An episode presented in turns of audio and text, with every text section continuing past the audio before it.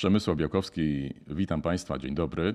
W Zielonej Interii mówimy dużo o zmianach klimatu, w końcu to serwis ekologiczny. Mówimy o wzroście temperatury, mówimy o podnoszącym się poziomie mórz i oceanów, ale myślę, że to dobry moment, żeby porozmawiać o tym, jak wpływa to na nasze podwórko, czyli na Bałtyk. Razem ze mną ekspert Michał Marcinkowski, geograf, hydrolog, ekspert Instytutu Ochrony Środowiska Państwowego Instytutu Badawczego. Dzień dobry, witam pana.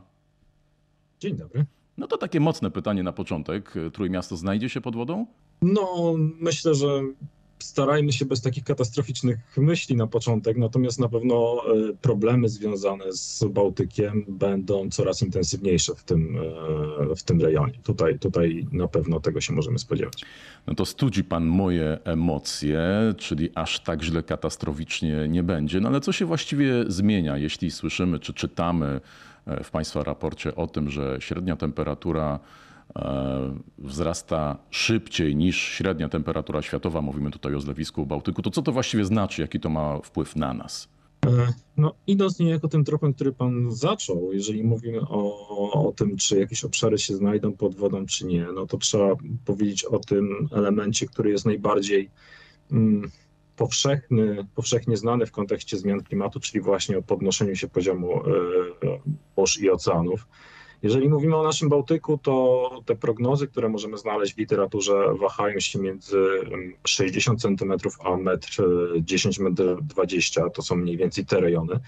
Ten rozstrzał jest oczywiście duży, ale mówimy tutaj o prognozach poziomu morza, które są wypadkowo naprawdę wielu czynników E, I ten e, rozdźwięk zależy no po prostu od pewnych założeń, które są przyjęte w modelach i ich e, szczegółowości. A te wartości, które Pan podał, one jakiej perspektywy czasowej dotyczą? Mówimy o ładnych kilkudziesięciu latach, mówimy w kontekście końca wieku, tak? Natomiast musimy pamiętać jeszcze o jednej rzeczy i na to też specjaliści zwracają uwagę że na, te prognoz, na ten prognozowany wzrost y, poziomu morza nakładają się, nakłada się, mm, nakładają się ruchy izostatyczne, czyli wzrost mm, wysokości, że tak powiem, terenu y, naturalny, to jeszcze pokłosie jak gdyby y, zlodowacenia, teren się jeszcze, jeszcze unosi, więc w, pewien, w pewnym stopniu niweluje zmiany poziomu morza. Tak? Więc to jest to jest ten element, z którym się musimy liczyć. Natomiast to nie jest oczywiście wszystko, bo zmiany klimatu to w dużej mierze szereg zjawisk ekstremalnych. To częstsze silne wiatry, to częstsze cofki w e, ujściowe odcinki rzek e, uchodzących do morza. Tak? Tutaj szczególnie e, zagrożenie mm, dla żyław wiślanych na przykład, tak? gdzie mamy ujście Wisły i, i tam wszyscy słyszymy w mediach, że kiedy są silne sztormy na Bałtyku, to zaczynają się problemy, tak zaczynają się silne podtopienia na żyławach wiślanych i to właśnie z tym jest związane właśnie. Więc to są te elementy, z którymi się musimy E, liczyć, czyli, czyli właśnie odpowiednie zabezpieczenie wybrzeży. Mm, pewnie w przyszłości dostosowanie infrastruktury portowej do, do tych zmieniających się warunków e, w jakiś sposób. Także takie elementy tutaj. Pan, pan, wspomniał o sztormach, o zmianach klimatu. Gdy mówimy o zmianach klimatu na lądzie, mówimy o tym, że e, przez zmiany klimatu pogoda staje się taka bardziej gwałtowna, nieprzewidywalna. E, a jak to się ma na wodzie? Czy, czy rzeczywiście też można odnotować, że, no nie wiem, na, oczywiście w jakimś dłuższym okresie, e, czy tych sztormów jest więcej, one są silniejsze, nie wiem, trudniejsze w prognozowaniu?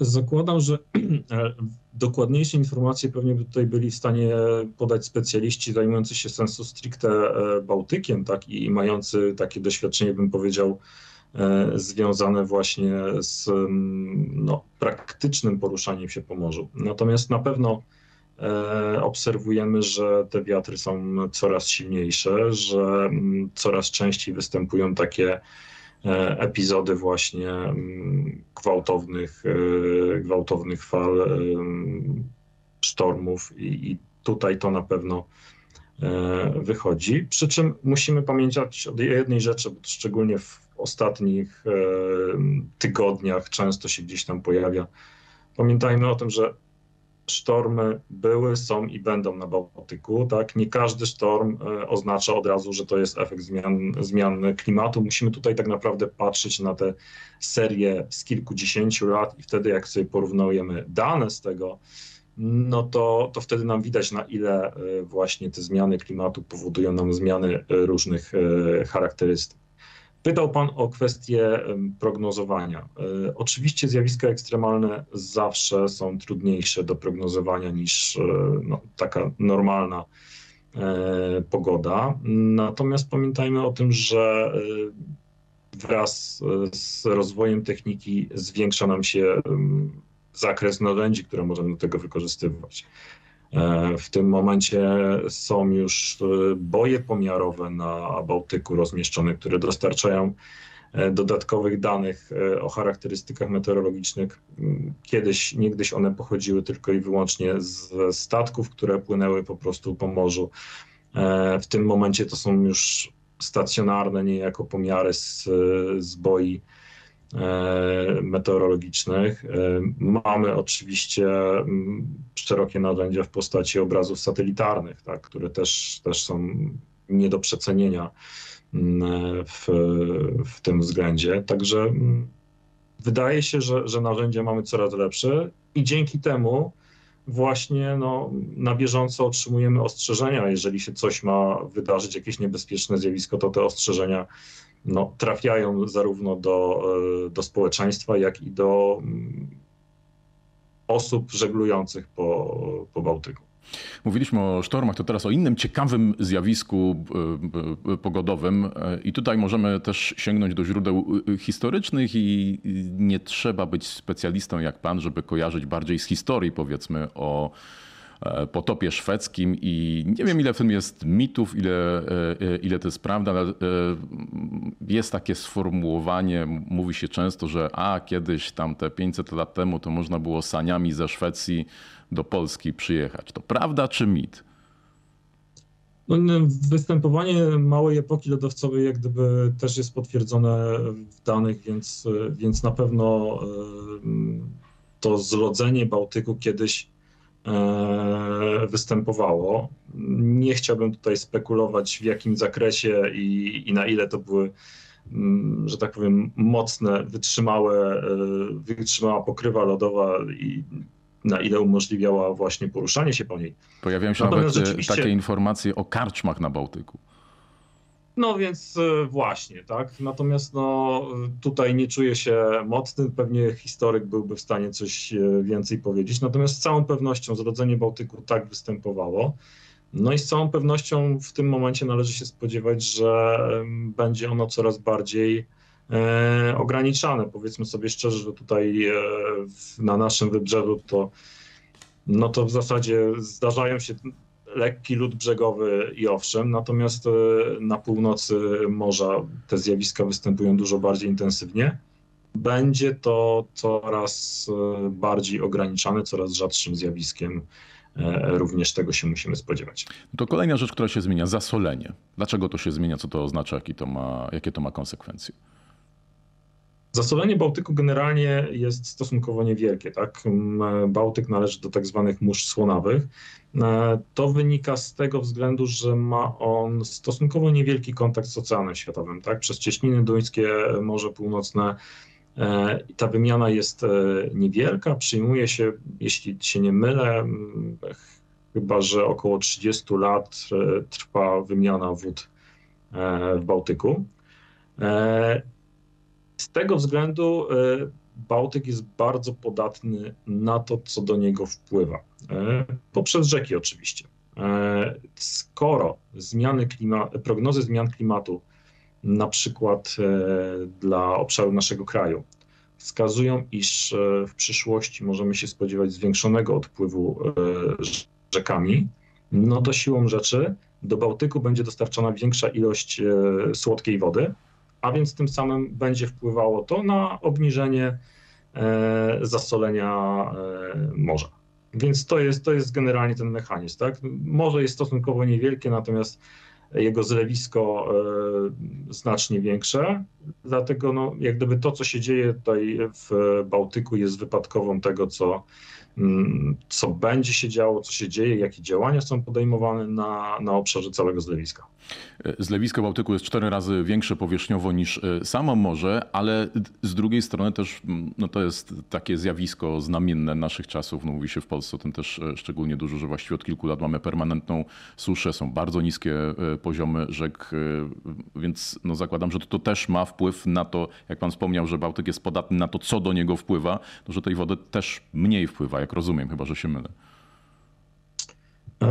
to nie do końca jest tak. Tak by się rzeczywiście mogło wydawać, jak pan mówi, natomiast ten mechanizm jest troszeczkę inny, bo e, rzeczywiście borykamy się z suszą od e, lat e, i w perspektywie przyszłych lat ten problem będzie prawdopodobnie rósł. E, natomiast e, nie ma to wprost przełożenia na dostawę do Bałtyku wody. Dlaczego? Dlatego, że opady roczne w Polsce co do zasady nie ulegają znaczącym zmianom. Oczywiście rok do roku one się zmieniają, natomiast, natomiast w wieloleciu one są mniej więcej stałe. E, prognozy zmian klimatu e, wskazują w zasadzie, że e, opady będą nieznacznie rosły nawet u nas. Te roczne sumy opadów. Natomiast niezależnie od tego problem suszy będzie potęgowany. Dlaczego? Dlatego, że mm, te opady które będą w przyszłości występowały, one będą miały coraz częściej e, charakter opadów nawalnych. To jest troszeczkę to, co już obserwujemy od myślę, że ładnych 10 lat, każdy na własnej skórze doświadczył, że w zasadzie e, głównie leje, e, a albo jest sucho i jest słońce, ewentualnie pochmurno, ale mało jest tych dni, kiedy delikatnie sobie deszczek pada. To, co jeszcze 20 lat temu nie należało do rzadkości, to teraz w zasadzie no mówię, albo, albo ten opad jest bardzo nawalny, albo, e, albo e, nie pada. W związku z tym ten opad nawalny, który występuje na ten przesuszony grunt, czy na nasze grunty miejskie wybetonowane, e, środowisko i człowiek z niego korzysta w niewielkim zakresie, bo on sobie bardzo szybko odpływa, czy to za pomocą sieci kanalizacyjnej, czy, czy siecią rzeczną, do morza właśnie. E, także ta woda trafia do morza szybko, natomiast no, człowiek z tego e, ma niewielki pożytek. Dlatego właśnie z jednej strony mamy suszę, a z drugiej strony dostawa do morza może rosnąć. Okej, okay, czyli tutaj e, zmian nie ma, natomiast jeszcze zastanawiając się nad tym, co wpływa do, do Bałtyku, myślę, że warto się pochylić nad, nazwijmy to, samą jakością tej wody.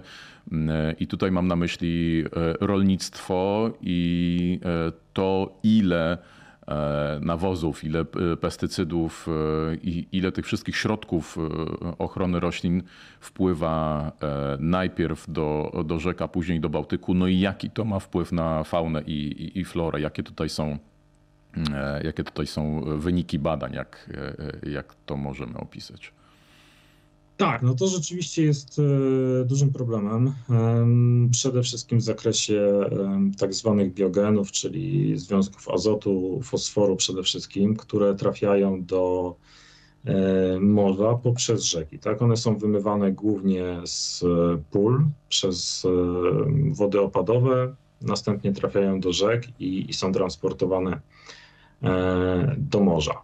Mm, dobrą stroną jest to, że w ostatnich 10 latach, mniej więcej powiedzmy, obserwujemy e, spadek e, tych biogenów właśnie, spadek ich ilości.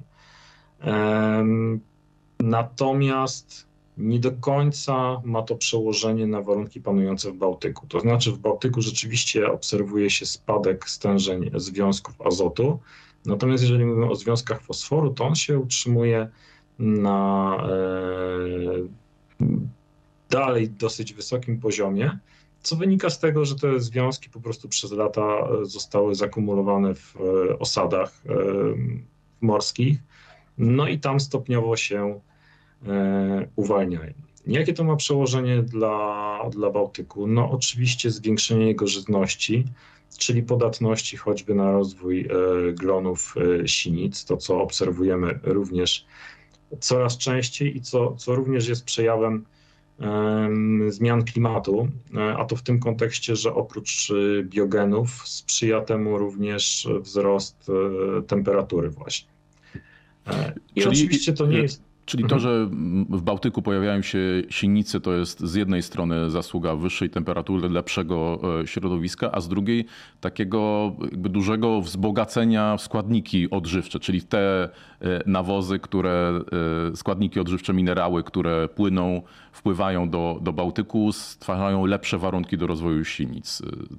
Tak, tak do, do, dokładnie, dokładnie. Jak gdyby poprawiamy im środowisko życia z naszej strony, dostarczając e, pokarm, natomiast e, natura e, przez nas, że tak powiem, troszeczkę zmieniana, dostarcza im wyższej temperatury. Wszystko to sprawia, że, że te warunki są dla nich no, lepsze, korzystniejsze i dlatego częściej obserwujemy, może niekoniecznie w tym roku, ale, ale generalnie częściej obserwujemy zakwity, zakwity sinic właśnie na, na wybrzeżu. Mhm.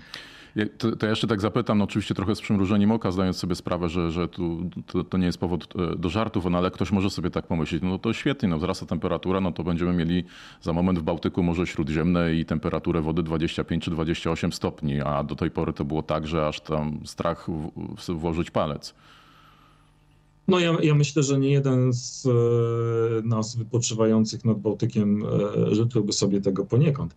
Natomiast e, z całą pewnością jest tak, że dużo prędzej niż my odczujemy zmianę tej temperatury wody, odczuje ją środowisko, a my odczujemy z kolei negatywne zmiany e, w tym środowisku, więc no, jakkolwiek też chciałbym się kąpać w cieplejszej wodzie w Bałtyku, to, mm, no to chyba jednak e, nie tędy droga. No i musimy pamiętać jeszcze o, jednym, o jednej rzeczy, że sinice to jest e, no, taka rzecz, która przeszkadza, jest dla nas przeszkodą dla, do korzystania z, z morza, natomiast to jest też problem dla środowiska, tak? to jest również zagrożenie dla organizmów żyjących w tym, e, w tym morzu. E, co więcej, e, te sinice później, kiedy obumierają, ulegają rozkładowi, w tym procesie zużywane są ogromne ilości tlenu. W efekcie powstają obszary deficytu, tlenu w morzu, czy też się rozszerzają, bo w obrębie Bałtyku mamy już te, też pustynie tlenowe. No i znowu część organizmów nie jest w stanie się tam e, rozwijać, jak gdyby to następuje kolejne sprzężenie e, w tym, w tym łańcuchu takim e, zależności elementów środowiska. No myślę, że oprócz tego, że wszyscy chcielibyśmy się kąpać w Bałtyku w trochę cieplejszej wodzie, to wszyscy chcielibyśmy też, żeby w restauracjach nadmorskich nie pojawiały się paragony grozy i żeby ryby nie kosztowały e, tak dużo. I mówię znowu z lekkim przymrużeniem oka, ale jednak, czy to jest też jakaś konsekwencja tego, że tych ryb jest teraz e, mniej, znacznie mniej niż wcześniej? Jak to wygląda?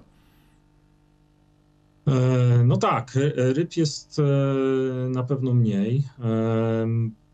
To pewnie też zależy od gatunku jeszcze, tak? Nie, nie, myślę, że to nie ma co generalizować. E, jeżeli chodzi o same wielkości połowów na Bałtyku, to one niestety się nie, zmienia, nie zmniejszają w jakiś zasadniczy sposób. Natomiast na pewno wprowadzone są pewne ograniczenia dotyczące poszczególnych gatunków. Tak? Tutaj chyba tym takim jednym z bardziej standardowych przykładów jest e, dorsz, gdzie rzeczywiście mm, wielkości połowów zostały ograniczone w znaczącym stopniu.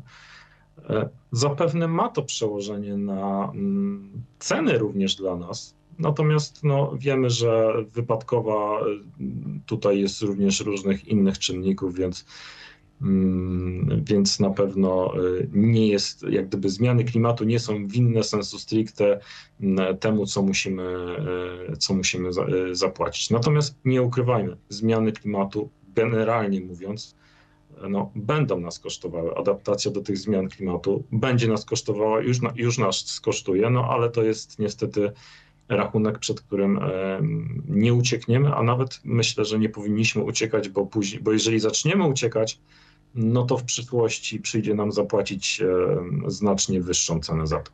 To jeszcze na koniec pytanie właśnie o tę przyszłość, e, o, te, e, o, o prognozy, bo zastanawiam się, na ile w przyszłość e, można wybiegać i oczekiwać, że te prognozy będą się sprawdzały. No, trochę tutaj może analogicznie do, do prognoz samych pogodowych. No wiem, że to jest w tej chwili no, tak kilkadziesiąt godzin, tak, dwa dni, może dwie doby, to są takie realne, gdzie jest wysoka sprawdzalność. Natomiast no, tutaj rozmawiamy o perspektywie 20 lat, nie wiem, 30 lat. E, choćby jeśli spojrzymy jakieś programy e, unijne związane z ochroną e, środowiska czy, czy ograniczeniem emisji CO2 i tak dalej, no to to są, to są takie no, jakby polityki prowadzone w, w dziesięcioleciach i jak te właśnie długoletnie modele dotyczące zmian klimatu i wpływu w Bałtyku wyglądają?